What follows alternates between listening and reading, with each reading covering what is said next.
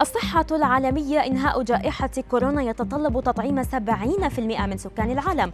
التنفس بعمق يساعد على تجاوز مضاعفات كورونا وتحذير من وباء آخر ينتشر بهدوء مع عودة العمل من المنزل. أبرز أخبار الساعات الأربع والعشرين الماضية في دقيقتين على العربية بودكاست. أكد المدير العام لمنظمة الصحة العالمية تدرس أدهانوم أن إنهاء جائحة كورونا يتطلب تطعيم 70% من سكان العالم مشددا على ضرورة وضع حد لقومية اللقاحات. وقال أدهانوم في مقال كتبه لصحيفة إسبستيا إنه لإنهاء الجائحة على جميع الدول العمل المشترك حتى منتصف 2022 لتطبيق وتحقيق الهدف العالمي المتمثل في تطعيم 70% من سكان العالم.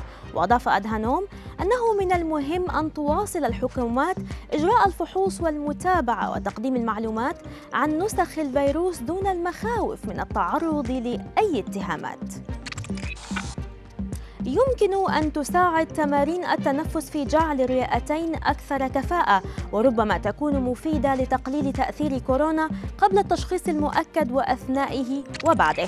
وفقا لما جاء في تقرير نشره موقع Healthline لا تمنع تمارين التنفس احتمالات الإصابة بكورونا لكنها يمكن أن تساعد في تقليل شدة الأعراض التي تؤثر على الجهاز التنفسي.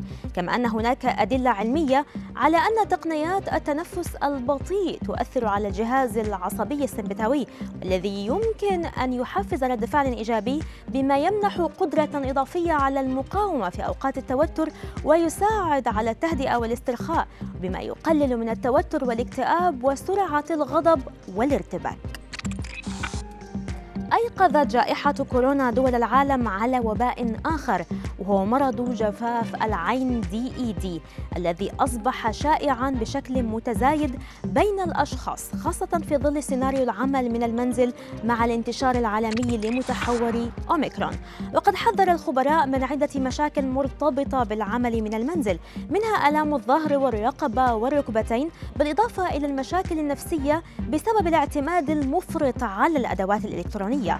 مرض جفاف العين هو حالة لا توفر فيها الدموع ترطيبا مناسبا للعينين إما بسبب عدم كفاية الإنتاج أو ضعف الاحتفاظ بها بالعينين.